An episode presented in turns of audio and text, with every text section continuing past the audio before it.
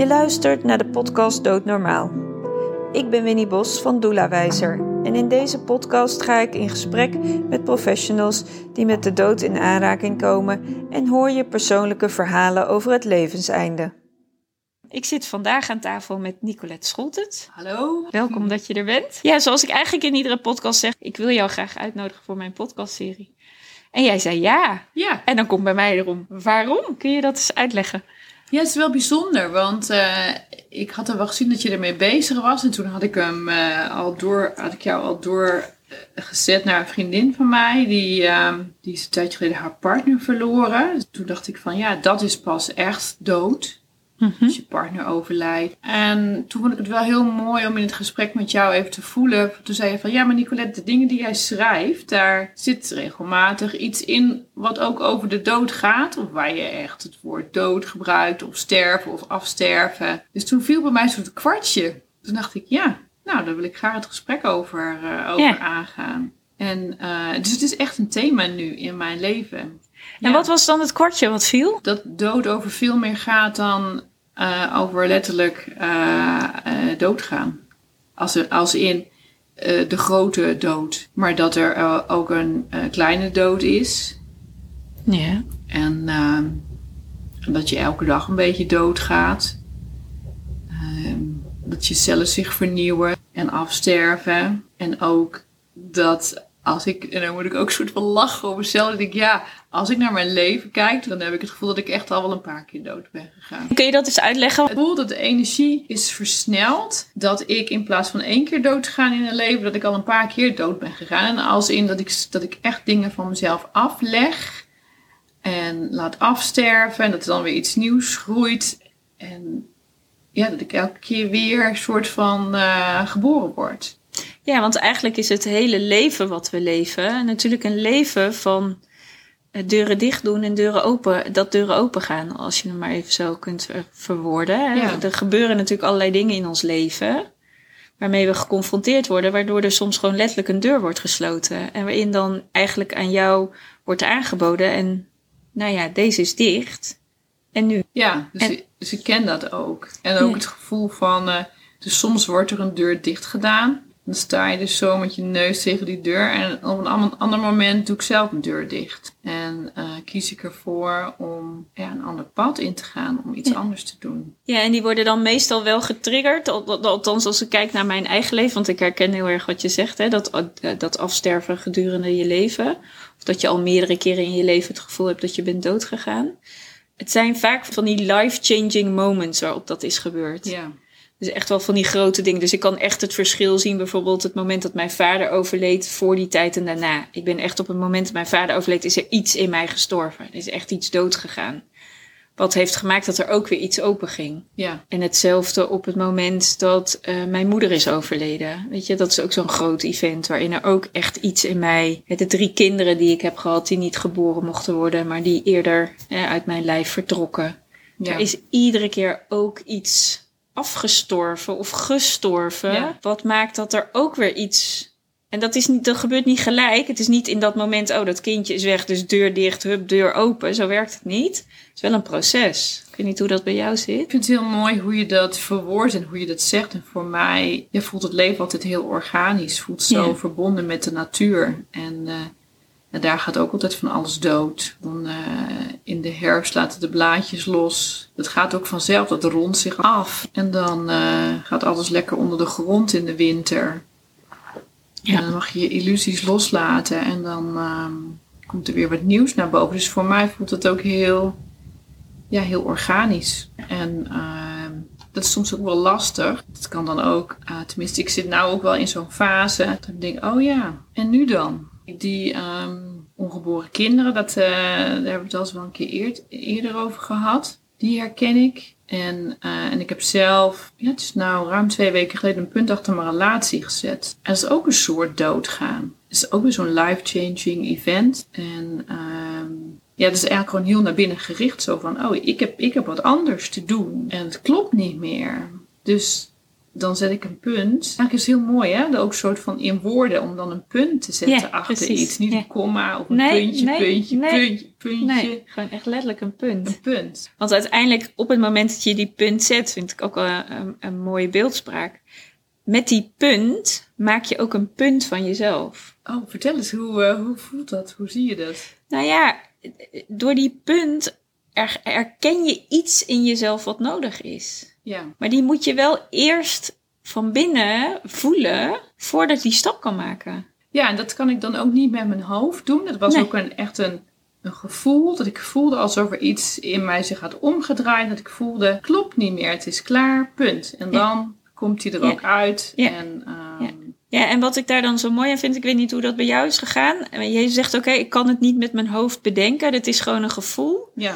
En wat we natuurlijk in deze wereld waarin we leven heel erg willen, en dat vaak wil die ander dat dan ook. Ja, leg eens uit. Doe eens, geef me nou eens even wat woorden, zodat ik het ook begrijp. Weet je, dat. ja, of wat heb ik niet goed Ja, gedaan? ja, dat, ja, het heel erg gelijk in een soort schuld gaan zoeken of zo. Terwijl, waarom moeten dingen altijd woorden hebben, denk ik dan soms ook wel eens. Ja. Want een gevoel is zo waar, dat, dat, daar kun je vaak niet eens woorden aan geven. Nee, en, en in, in, dit geval was het heel mooi, want we allebei zaten tegen, tegenover elkaar. En allebei voelden we hetzelfde. Oh, oh dat is wel heel bijzonder. Ja, zo van, oh, dit klopt niet meer. En ehm, ja, dat is dan heel mooi, hè? Want dan hoef je niet in dat eh, waarom dit verdedigen Nee. of te veroordelen. Dus dat is ook heel ehm, mooi als het dan bij, bij beide partijen zo eh, die punt voelbaar is. En zit even te denken wat jij nou net zei over, eh, ja, over dat dingen hoofdelijk of, of verbaal of... ja, nou weet je wat ik nou zo leuk vind? Eén keer eh, komt ook een soort van dat beeld omhoog. Dat ik denk van, ja, we hebben ook een soort gekke samenleving met elkaar gecreëerd, hè? Je voelt hem al aankomen natuurlijk. Ik doe nu mijn, ha- mijn hand bij mijn keel, zo bij Ja. mijn hoofd. Ja, we leven eigenlijk maar, of de meeste mensen, alleen maar in hun hoofd. Ja. En de rest zwabbert er een soort van bij. Als we het dan over de dood hebben, de rest is hartstikke dood. Ja, wij hebben met elkaar bedacht dat, dat, dit, de, dat dit onze manier van leven is. Door het willen te begrijpen met ons hoofd, met onze intelligentie. En dat is ook niet gek, hè? Want zo worden we geschoold en grootgebracht. Ja, En dat voedt vooral dat hoofd en niet Ja. dat lijf. ja. Ergens onderweg hebben wij gedacht, ja, hoezo hoofd? En keken we naar beneden en dachten, huh, maar er is toch nog meer dan dat hoofd? Er zit hier beneden ook nog wat. We willen ook leven. God, er, er komt van alles en nog wat wordt wakker hier, maar wat is dat dan? Ja, En dan raken we verward eigenlijk door alles wat er onder die kin, hè, naar beneden tot aan, aan onze tenen ook nog aan dat hoofd vastzit. ja. En dan weten we eigenlijk niet zo goed wat we ermee moeten. Hoe was dat voor jou om een soort die reis te maken, zo dieper eh, je lichaam in? Nou, eh, heb je even? Eh, nou ja, weet je, bij mij is dat begonnen toen ik 35 was. Kijk, op mijn 35ste. Ik was uitvaartverzorger in die tijd. En ik liep vast op mijn werk. En waar ik op vast liep was dat ik in heel veel situaties bij gezinnen thuis kwam. Waarin, dat begreep ik toen de tijd nog niet. Maar als ik nu terugkijk, is dat waar het over ging. Waarin ik in situaties terecht kwam die eigenlijk heel erg te maken hadden met wat ik ooit zelf ook in mijn leven had meegemaakt. Maar waarvan ik geen, daar was ik me niet bewust van, laat ik het zo zeggen. Dus dat was wel gebeurd en daar, had ik, daar, had, daar was iets in mijn hele lichaam of in mijn bestaan. Of daar was, daar was iets ja, vast komen te zitten. Maar ja, wist ik veel. Snapte ik allemaal niks van toen de tijd. Dus toen zei een manager tegen mij van, nou, misschien Winnie, er is een inspiratieweek. Dat was waar het ooit mee begon.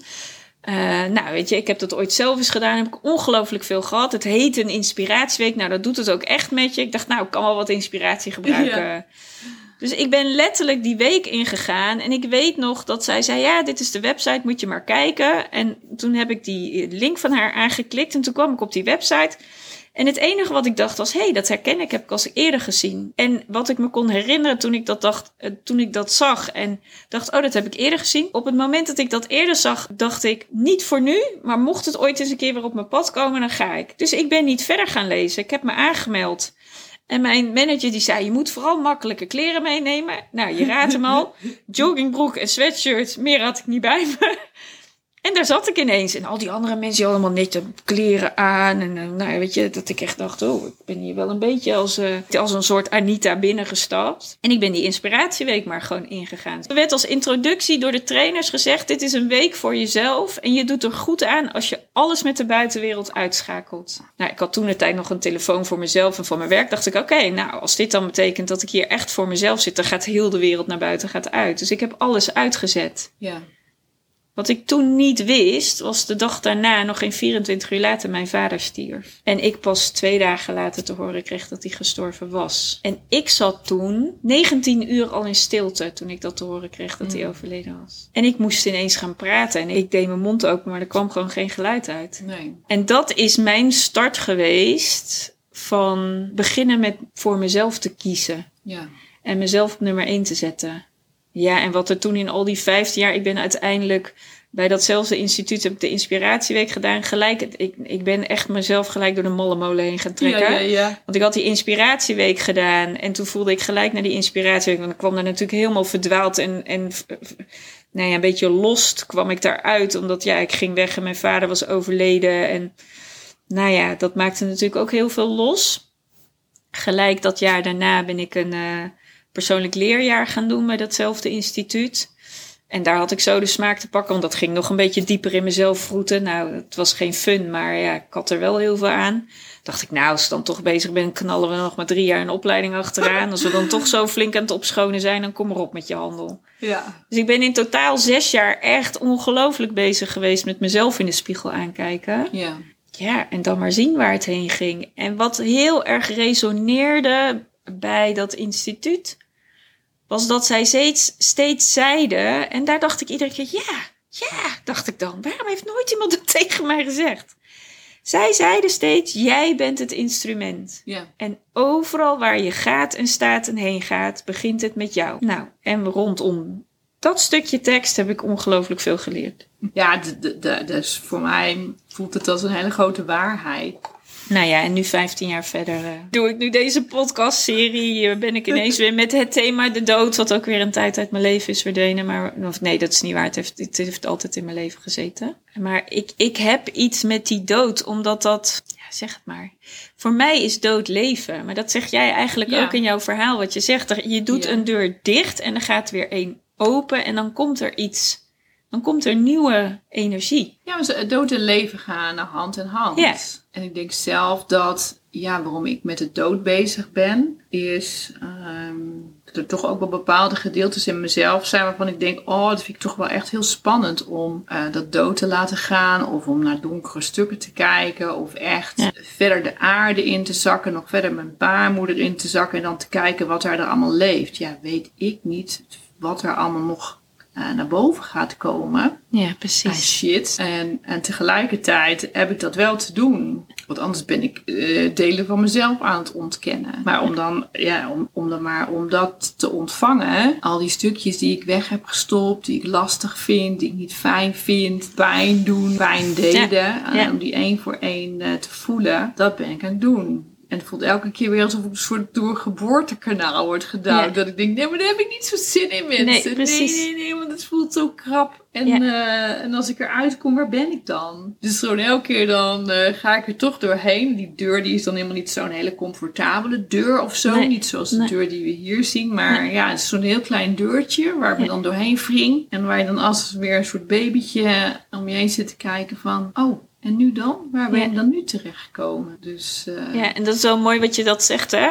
Want eigenlijk heb je het over het niet weten. Ja. Je, je stuurt jezelf eigenlijk dan in een, in, op een pad waarvan je denkt, geen idee. nee, Je moet echt letterlijk je armen zo omhoog gaan en denken, ja, ik weet het echt niet. Nee, lopen maar. Ja, dus, dus en, maar ik ben er ook wel achter gekomen dat dat de enige manier is die werkt. En dat is voor mij heel erg voelen of het klopt en dan de volgende stap zetten. Ja, en wat je daarmee dus zegt, hè, want je zei net dood is leven. Dus uiteindelijk heb je dat wat onder je kin zit, eigenlijk, hè, onze, de, de rest Ja. van ons lijf tot onze grote teen, Ja. komt steeds meer tot leven. Ook al sterft het iedere dag toch een beetje af. En dan klopt het wat jij zegt, dat dood en leven gaan hand in hand. Ja, voor mij voelt het dan alsof ik soort steeds verder eh, in mijn lichaam eh, zak. Dus na dat hoofd ging dat hart aan. En eh, kon ik heel veel liefde voelen voor alles en iedereen. En, ehm, En nu gaat die buik veel meer aan. En uh, kan ik meer in mezelf zakken. En ik, ja, en ik dan? Want uh, het is leuk, al die buitenwereld en al die mensen. Maar uh, ik. En waar is die ik? Nou ja, die ik, die, uh, die komt steeds meer, uh, die komt, die, die, ik wil zeggen, het is gek hè, die kruipt een soort van uit het stof. Zo van, ja, oh ja, hier ben ik. Ja, hier ben ik, dit heb ik nodig, dit vind ik belangrijk. Ja, ik, ik ben heel, uh, heel, als kind altijd heel bezig geweest met, uh, wat hebben andere mensen nodig? Een soort overlevingsstrategie, mm -hmm, hè, van, mm -hmm. als jij blij bent, als jij gelukkig bent, dan uh, ben ik ook oké. Okay. En dat zit zo, dat is, dat zit zo, ja, dat, is, dat zijn zulke diepe patronen. Dat, uh, nou, daar ben ik al even lekker mee bezig om die uh, ja. soort van af te, af te wikkelen, ja. af te Ja. Want dat is wel iets wat je heel erg mooi benoemt. Hè? Kijk, we leven natuurlijk allemaal ons leven wat we krijgen vanuit onze ouders, waarin dan een gezinssituatie ontstaat waar dingen gebeuren. En als kind zijn we ons dat waarschijnlijk helemaal niet bewust wat dat voor impact heeft. Totdat je wat groter wordt en ineens onder die kind dat lijf ineens van allerlei dingen gaat doen. Dat je denkt, u, wat, wie, waar. En dat er dan ook gewoon een, een weg ontstaat waarin het, nou, ik zou bijna zeggen, geen keuze is, maar alleen maar de optie volg het maar. Dat, is, dat vind ik ook wel heel mooi. Dat, uh, ik weet niet meer, de, bij mij kwam het moment, ik denk dat het nu zes jaar, ongeveer zes jaar geleden is, echt een soort moment dat ik voelde van, oh ja, ik zet die knop van die radio aan en die kan ook niet meer terug of zo. Nee. Want het is een soort uh, ja, weg die ik ben ingeslagen. Ja, de weg naar mezelf. Ik noem het ook wel eens het pad van het hart. Ja. En, en uh, nou ja, dat is niet recht. Dat is een soort van, uh, dat gaat alle kanten op. En uiteindelijk steeds meer naar mezelf. Dan kom ik van alles in tegen. En um, die knop die gaat niet meer, die, die kan niet meer die radio nee. uitzetten. Dat wil Nee. ik ook niet. Nee. Alleen is dat soms, soms heb ik er ook niet zo zin in. Dan denk ik, waar was toch dat leven dat ik gewoon televisie keek, chips eet op de bank zat. En uh, ja, een soort van uh, ja, onbewust Ja, of zo. ehm, Ja. En nu moet ik ook om lachen, want dat wil ik ook niet meer. Nee. Maar niet iedereen snapt dat ook of zo. Want die zitten, en die klets, je bent wel van, van alles aan het zoeken, hè? Ik zeg, ja, dat is ook zo. En maar ik, hoe doen jullie dat dan? Wat zeggen ze dan? Ja, daar krijg ik ook niet echt een antwoord op of zo. Het enige was ik dan hè, zo met jou in gesprek ben, dat ik denk, ja, dat klopt. Jij doet het ook. En, en ik denk dat dat nooit ophoudt om uh, naar jezelf te kijken. En dan elke keer weer komt er weer iets anders bovendrijven. Nee. En um, dat is een soort, soort verdieping. Ja, en het voelt ook wel, eh, wat, hè, wat ik jou wil zeggen, er is ergens onderweg in je leven een keuze geweest. Dat je dus merkte dat hoe het daarvoor ging, dat is niet meer wat ik wil of zo. Of dat is niet meer wat ik kan. Ik weet ook niet, ik kan het ook, ik vind het ook Ja, dat, is lastig niet, te dat is niet meer echt. Nee, ja, oh, dat is misschien wel een goede bewoording. Ja, dat is niet meer echt. En, en dan, dan komt dus die kanteling en dan is er ook echt geen weg meer terug. Dat merk ik ook al. Want als ik kijk naar de afgelopen 15 jaar, heb ik gewoon ergens op mijn 35ste die beslissing genomen. Ja. En sindsdien is het gewoon een trein waar ik op zit. Ja, het is net, net een soort, of een soort, zo'n soort gebaar waarin je dan je handen opent. Ja. En zegt, nou weet je, uh, kom maar. Ik, ik, dit, dit is, ik leg mijn leven een soort van neer. Ik kan het niet zo goed uitleggen. Ja. Maar Ja, zo'n ja, soort Ja. uh, overgave. Of wat er mag gebeuren, dat gebeurt er. En um, ja, dat is echt heel mooi. Ja, en, en als je het dan zo omschrijft, dan moet ik heel erg denken: het gaat steeds meer over leven in het nu. Ja. En dat is makkelijker gezegd dan gedaan. Maar goed, dat is wel wat ik bij mezelf ook meer. Veel meer leven in dit is het. En morgen geen idee. En gisteren bestaat al lang niet meer. Het Ja. enige wat er is, is nu. Ja. Heb je dan ook het gevoel dat je steeds minder nodig hebt? Ja, zeker. En hoe, uh, hoe vertaalt zich dat dan? Uh, in mijn huis, ik heb, ik heb er niet meer zoveel. Je kan bij mijn kast opentrekken, zit niks meer in. Weet je, dat soort waarom, dingen. heb, Winnie, waarom heb je dan nog een kast? Nou, omdat ik het ook wel, ik vind, ik hou wel van gezelligheid. Dus het moet wel een beetje knus in huis zijn. Dus nou, die kast die geeft dan net nog een beetje aankleding. Dat ik denk, nou heb ik toch nog een beetje huis wat, wat een beetje sfeer. Ik ben wel gevoelig voor sfeer. Het moet wel, weet je, het, er moet wel een soort ja, gemoedelijkheid of zo. En er moet wel een soort coziness of zo in mijn huis zijn. Ja. Ja, daar past die kast dan in. Dus ik heb heel veel, ik ben heel veel aan het ontspullen geweest. Echt Ja. letterlijk gewoon dingen aangekeken. En tegen dat, dat wat ik dan in mijn handen had gezegd, oké, wat vind ik van jou? Nou, ik vind er eigenlijk niks van. Of dan vroeg ik, heb ik jou nodig? Nou, en dan zei het ja of nee. Of nou ja, ik heel soms zei het geen idee. Nou, dan ging het op de stapel geen idee. En uiteindelijk heeft dat gewoon geresulteerd in dat ik in huis heb wat ik nodig heb om goed te kunnen leven. En om er een beetje een gezellige sfeer van te maken. Ja. Maar meer dan dat is er ook niet. En hetzelfde in mijn kledingkast, die heeft dat ook gedaan. Ik bedoel, daar hangen wel wat kledingstukken waarbij ik een leuke combinatie kan maken. Of meerdere combinaties kan maken. Maar het is niet zo dat de kast van voor tot achter en van beneden ramvol zit met kleding wat ik eigenlijk 9 van de 10 keer niet aan heb. Ik vind het mooi dan hoe het dan, eh, ook in die reis naar mezelf, hoe dan ook het leven steeds simpeler wordt. Ja, dat is wel mooi inderdaad. Simpel. Ja. Gewoon Sim- heel dichtbij. En simpel en ook wel met steeds meer verwondering. Ik weet niet Ja, of ja, jij ja. dat ook hebt. Ja, die ken ik ook heel goed. Ja, die gaat bij mij ook een soort van ehm, hand in hand met een soort dankbaarheid en ehm, ja, en een oordeelloosheid. Hij moest nog even nadenken over je kast. Ik dacht, weet je, om, de, om te ontspullen, dat is natuurlijk eigenlijk ook een soort dood. Eigenlijk is afscheid is ook een soort dood. Ja. Als je dan zegt, dag spullen, nou, dan doe je ze, dan gaan ze weg. ja, dus ik zie me, als ik ook terugkijk, hè, het jaar 50. En ik heb normaliter nooit iets met leeftijden. Maar op de een of andere manier is die 50 al ongeveer, eh, weet ik veel hoeveel maanden in een soort zichtbaarheid aanwezig. Maar ik kan nu echt ook zien waarom de dingen in mijn leven gebeurd zijn. Weet je, mijn leven is vanaf het moment dat ik geboren ben één grote loslaatreis. Bij mij voelt het als een eh, acceptatiereis. Dat alles wat bij mij hoort, dat dat weer, eh, dat het weer terug mag komen of zo. Ja. Ja, en geloof jij er dan ook in dat je ehm, hier naartoe komt met een opdracht of een boodschap? Of, weet je al waarvoor jij hier bent? Ja, dus het verdiept zich elke keer weer. En ehm, ik was dus laatst bezig om ook naar mijn leven te kijken en, en mijn levensverhaal op te schrijven. En, ehm, en, dan, en, dan, en dan begon het verhaal als, eh, ja, er was dus een meisje die kwam naar de aarde om eh, licht en liefde te ervaren. Ja, waar als ik dan een soort van kijk naar het patroon en naar het verhaal in mijn leven, dan heb ik dat vooral buiten mezelf gezocht. Wel, zie je dat al zo voor me, zo'n meisje Ja, die ja, dan eh, op de aarde afdaalt, zo heel licht in energie. En dan, nou, we gaan dus even kijken waar het is dan. Nou, daar kijken. Zit het onder die stoel? Ja, Zit het achter het gebouw? Ehm, zit het misschien bij jou? En, dan, en dan te ervaren. eh, nee, nee, dat zit in mezelf. Ja.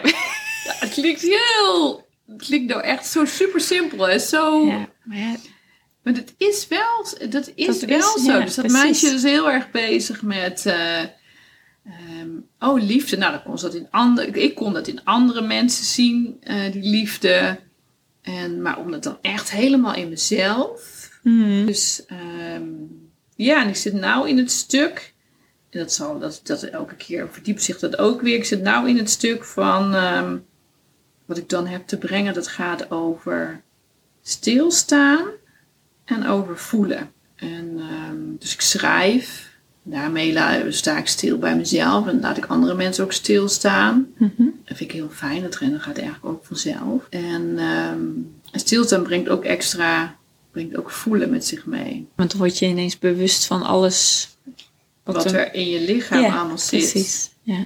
Ja, en, en, het, en het gaat dus heel erg over dat wat ik zelf allemaal heb aangekeken, dat ik daar ook andere mensen mee help.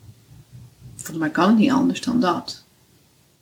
Nee, ze zeggen altijd, hè, ehm, eh, tenminste, uiteindelijk het werk wat je doet of zo, eh, daar ze- daar zeggen ze wel eens van, je bent zelf je grootste klant. Ja, ik ben zo van, ja, Ja. Ik, ik, ben mijn, ik, ik ben mijn grootste medicijn. Dus ik, ik ben nu, ik ben echt heel veel, eh, zoals ik weet dat de natuur, dat dat, dat brengt mij heel veel. Om buiten te zijn, om te lopen, om me te verbinden met de aarde en me te verbinden met het lichaam.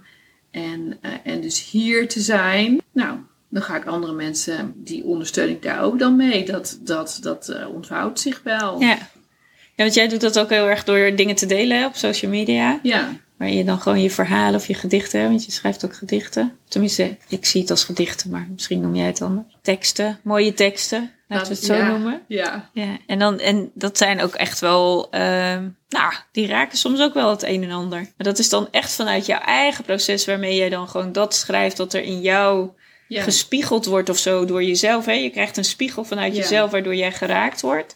En dat deel je. En doordat je dat deelt, komt dat bij een ander. Ja, ik denk, ik denk dat ik uiteindelijk het contact met mezelf kwijtgeraakt. Echt een heel groot gedeelte in mijn leven. De eerste 14 jaar was ik ook niet echt hier en in mijn lichaam. Was nog in de eenheid aan het rondfladderen en roeren.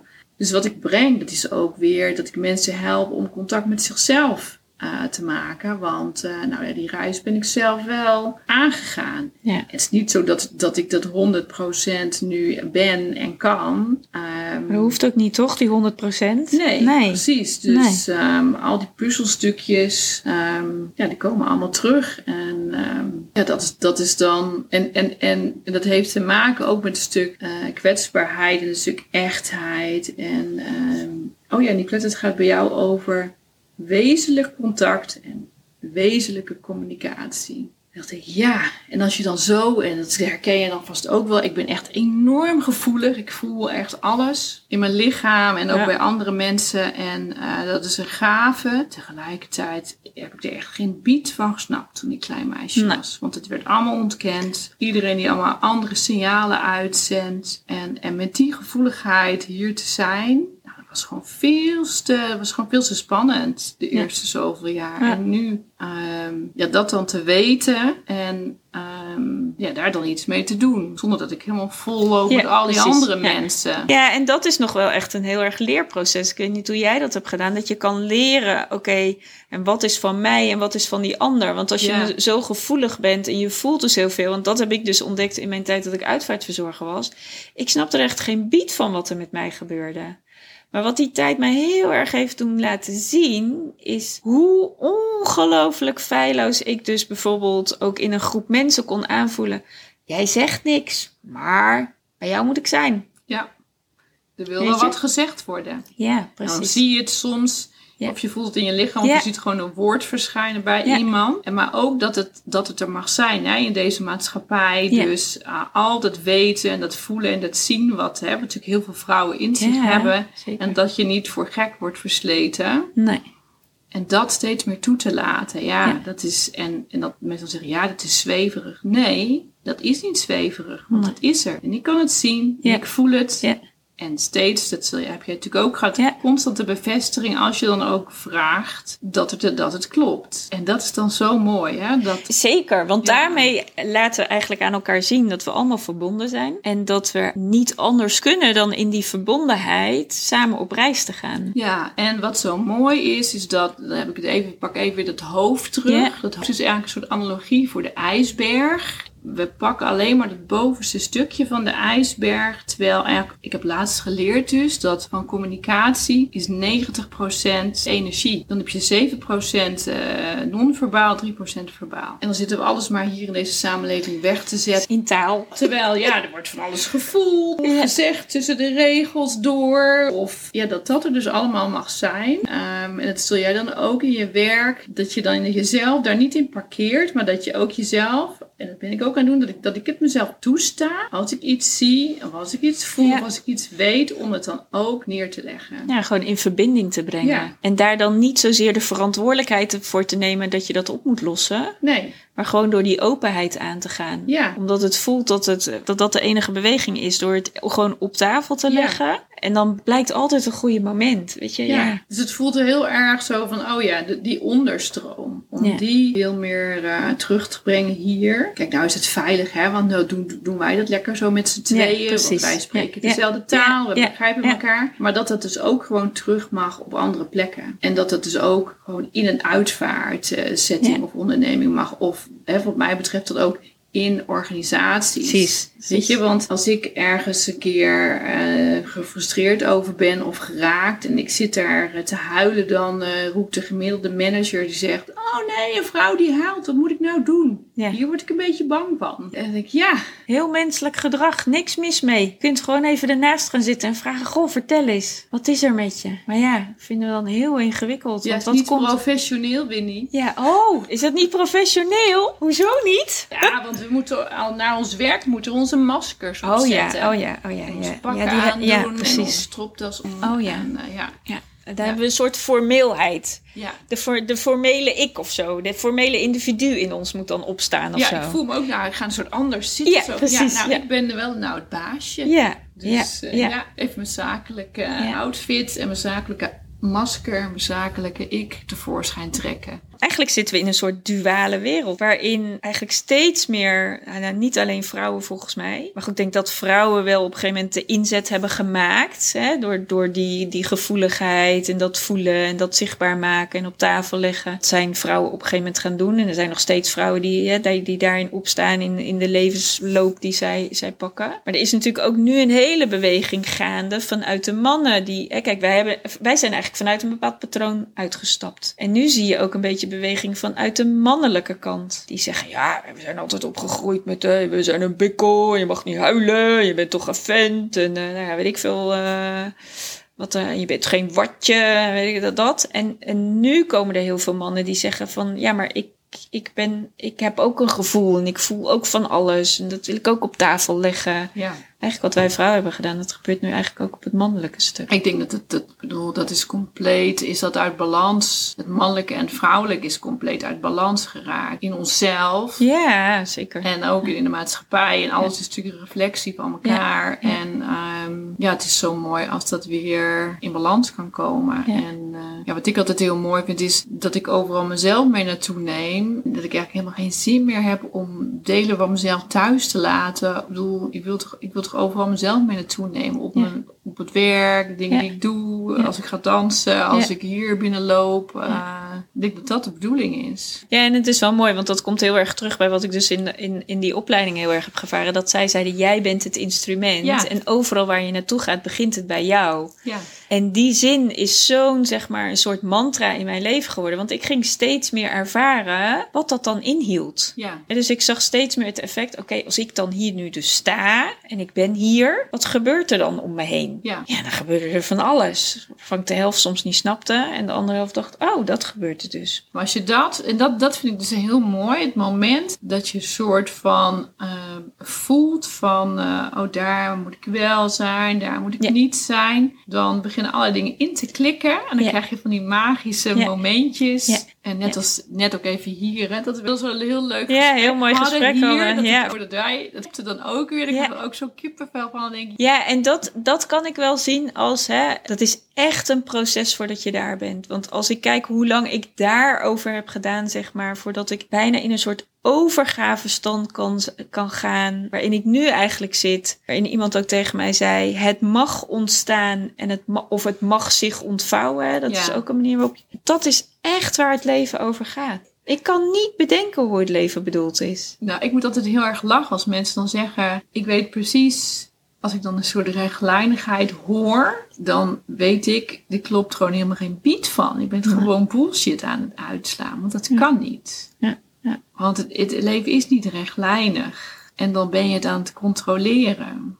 Ja, als je dit zegt, kan ik me nog heel goed herinneren. Ik was, ik was 40 en ik was klaar na die zeg maar bijna zes jaar studie. En ik werkte toen ook nog in de uitvaartverzorging. Er was een collega die was 52 en die zat me zo eens aan te kijken. En die zei, oh, ik kan nog zo herinneren dat ik 40 was. Maar ik ben blij dat ik nu weet waar ik met pensioen ga. En dat ik echt totaal verbouwereerd op mijn stoel zat en dacht, maar dat zijn nog waarschijnlijk 15 jaar te gaan. Hoe kan jij nu al weten waar jij met pensioen gaat? Ja. Ik kon dat op mijn veertigste gewoon niet bedenken. Dan denk ik, hoe doe je dat?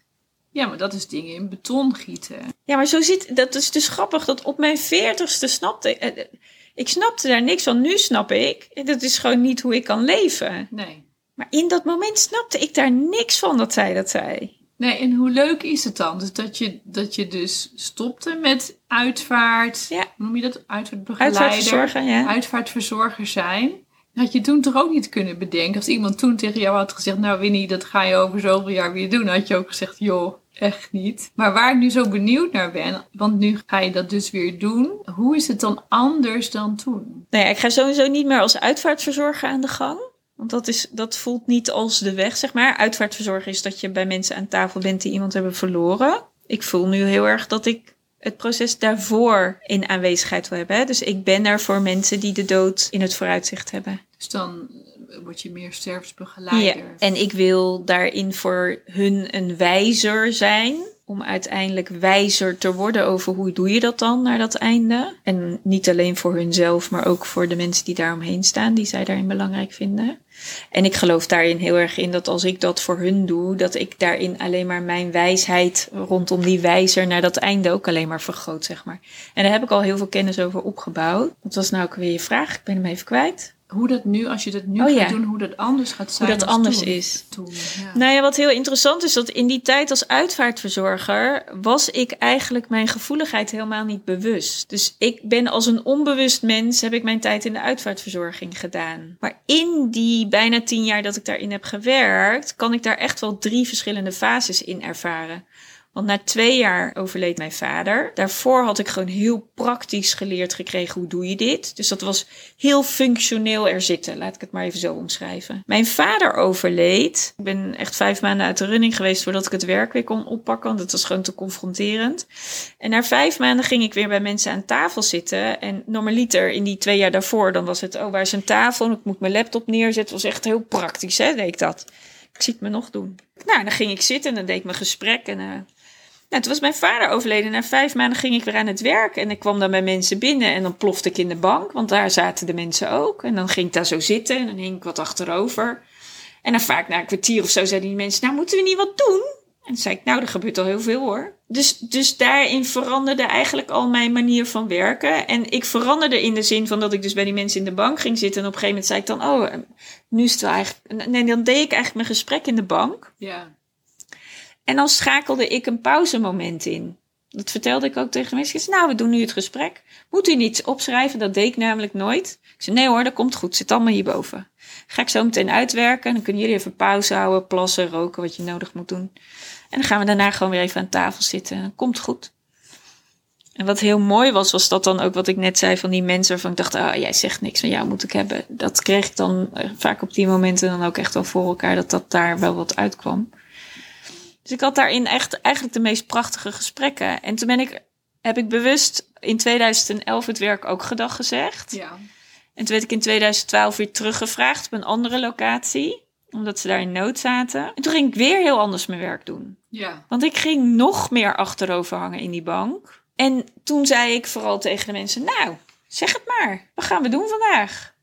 En dan waren mensen altijd heel erg verbouwereerd. Want dan zeiden ze, ja, maar daar kom jij toch voor? Toen ik, ja, ik ken de regels, ken de plekken, maar ken niet jullie liefde, eh, hè, jullie dierbaren. Ik ken jullie niet. Hmm. Geen idee wat jullie plan is. Maar als jullie dat plan nou eens met mij delen, ja. dan kunnen we samen kijken hoe we dit gaan doen.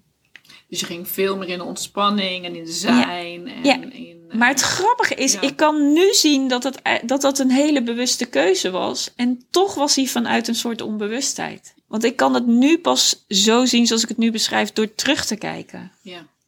En ik, op een gegeven moment werd het echt voor mij een keuze van dat de plek waar ik werkte, daar kon ik mezelf niet meer zijn. Want op kantoor werd er iets anders van mij verlangd dan wat ik deed bij de nabestaan. En toen dacht ik op een gegeven moment, ja, maar ik kan niet zus zijn hier en zo zijn daar. Dus ik, dit moet gewoon los.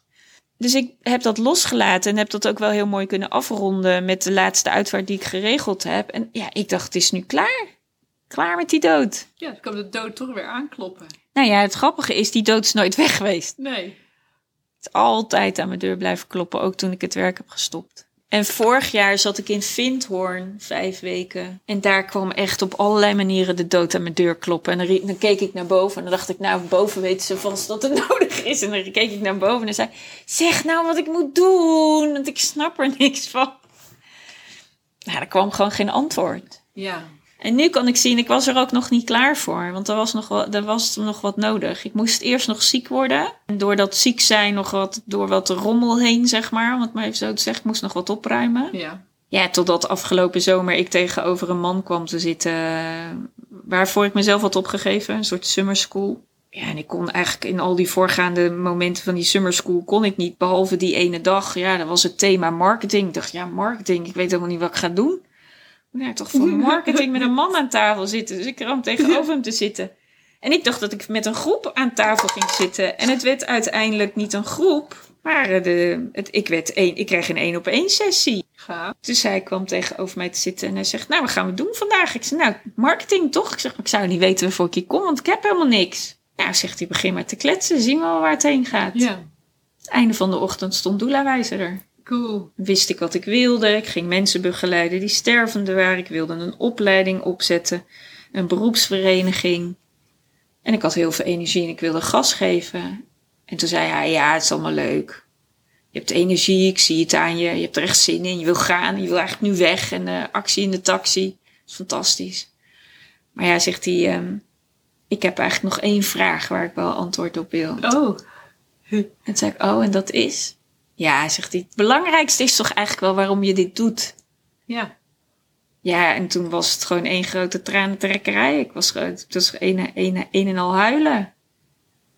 En hij zat een beetje zo tegenover mij naar aan te kijken, zo, oh, oké.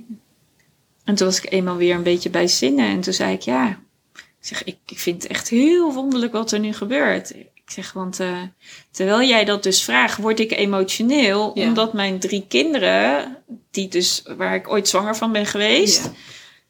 die komen even hallo zeggen en met de boodschap en dat doe je voor ons. Hmm. Nou ja, zeg het maar. Ja, als je dat dan vertaalt nu.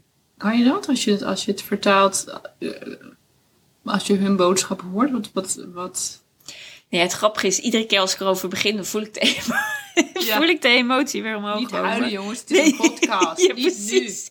Nee, je mag niet huilen. Nee, niet Nee, ja, ik, voel, ja dat is, ik vind het heel bijzonder. Want kijk, ik, heb net, ik ben geen moeder bij leven, om het maar even zo te zeggen. Dus voor de buitenwereld kan ik niet zeggen, ik heb drie kinderen.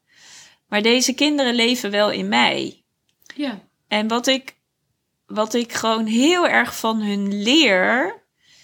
En wat ik bijzonder vind, dat op cruciale momenten in mijn leven, want ze zijn al eerder op cruciale momenten voorbij gekomen, mij echt komen vertellen waarvoor ik hier ben en wat ik mag doen.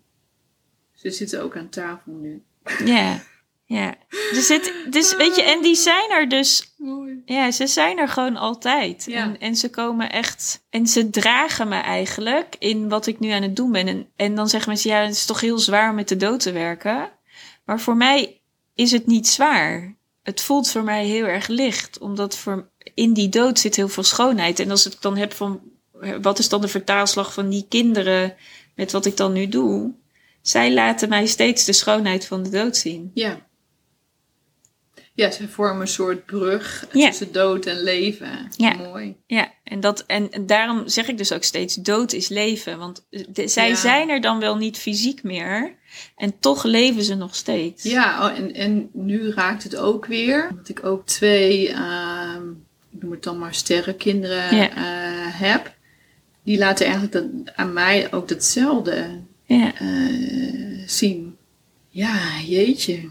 Zo de verbinding. En hoe wij, en hoe wij zo die verbinding eigenlijk in het Westen eh, kwijt zijn geraakt. Met zowel het leven als de dood. ja, dat. En dat ik nu ook wel, wat er nu in mij opkomt, het ook wel heel erg gaat over. En het is niets anders dan mooi waar je heen gaat. Ja. Dus ja, ik snap dat er in de maatschappij zeg maar een soort van schim hangt over die dood, omdat we het allemaal niet snappen. Hè? Omdat we komen uit die hoofdelijke maatschappij en we willen snappen wat dat is, die Ja. dood. Tegelijkertijd denk ik, ja, die is niet te snappen. Nee, want voor mij hoe het voelt is, eh, we zijn een bewustzijn en we zijn een, een, een soort zielenlicht. En dat kiest elke keer weer voor een, eh, voor een rondje en voor een leven op aarde. En daarmee neemt het alles mee eh, met wat er al is en wat er, als, wat er al aan kennis en ervaring is Ja. opgedaan. En elke keer weer eh, eh, staat die ziel daar zo van, nou, wat wil ik nu ervaren? Ja.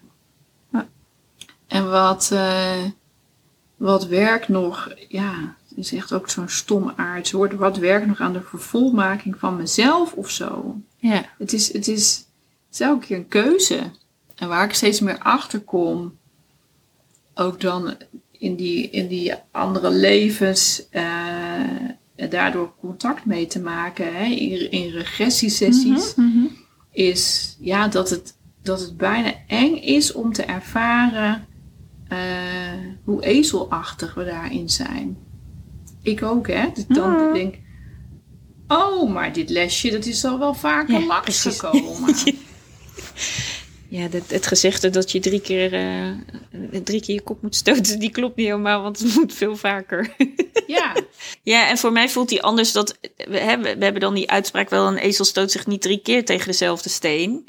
Maar dan denk ik, ik zie het leven meer als een ui, waar, je ieder, waar, waar gewoon lagen in zitten en waar je iedere keer weer een laag van die ui afpelt.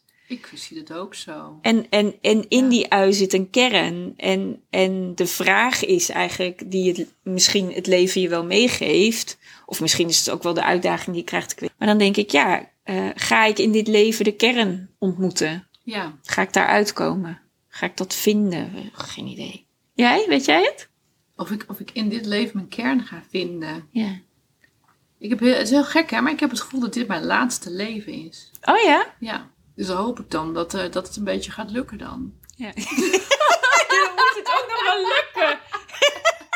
dan moet het ook nog lukken. Dan moet het wel een geslaagd leven zijn. Shit man, zo druk op mijn schouders. Ja, precies. Dan leg je nogal wel een lat hoog eh, als Ja. je dat doet. Het is wel mooi, hè?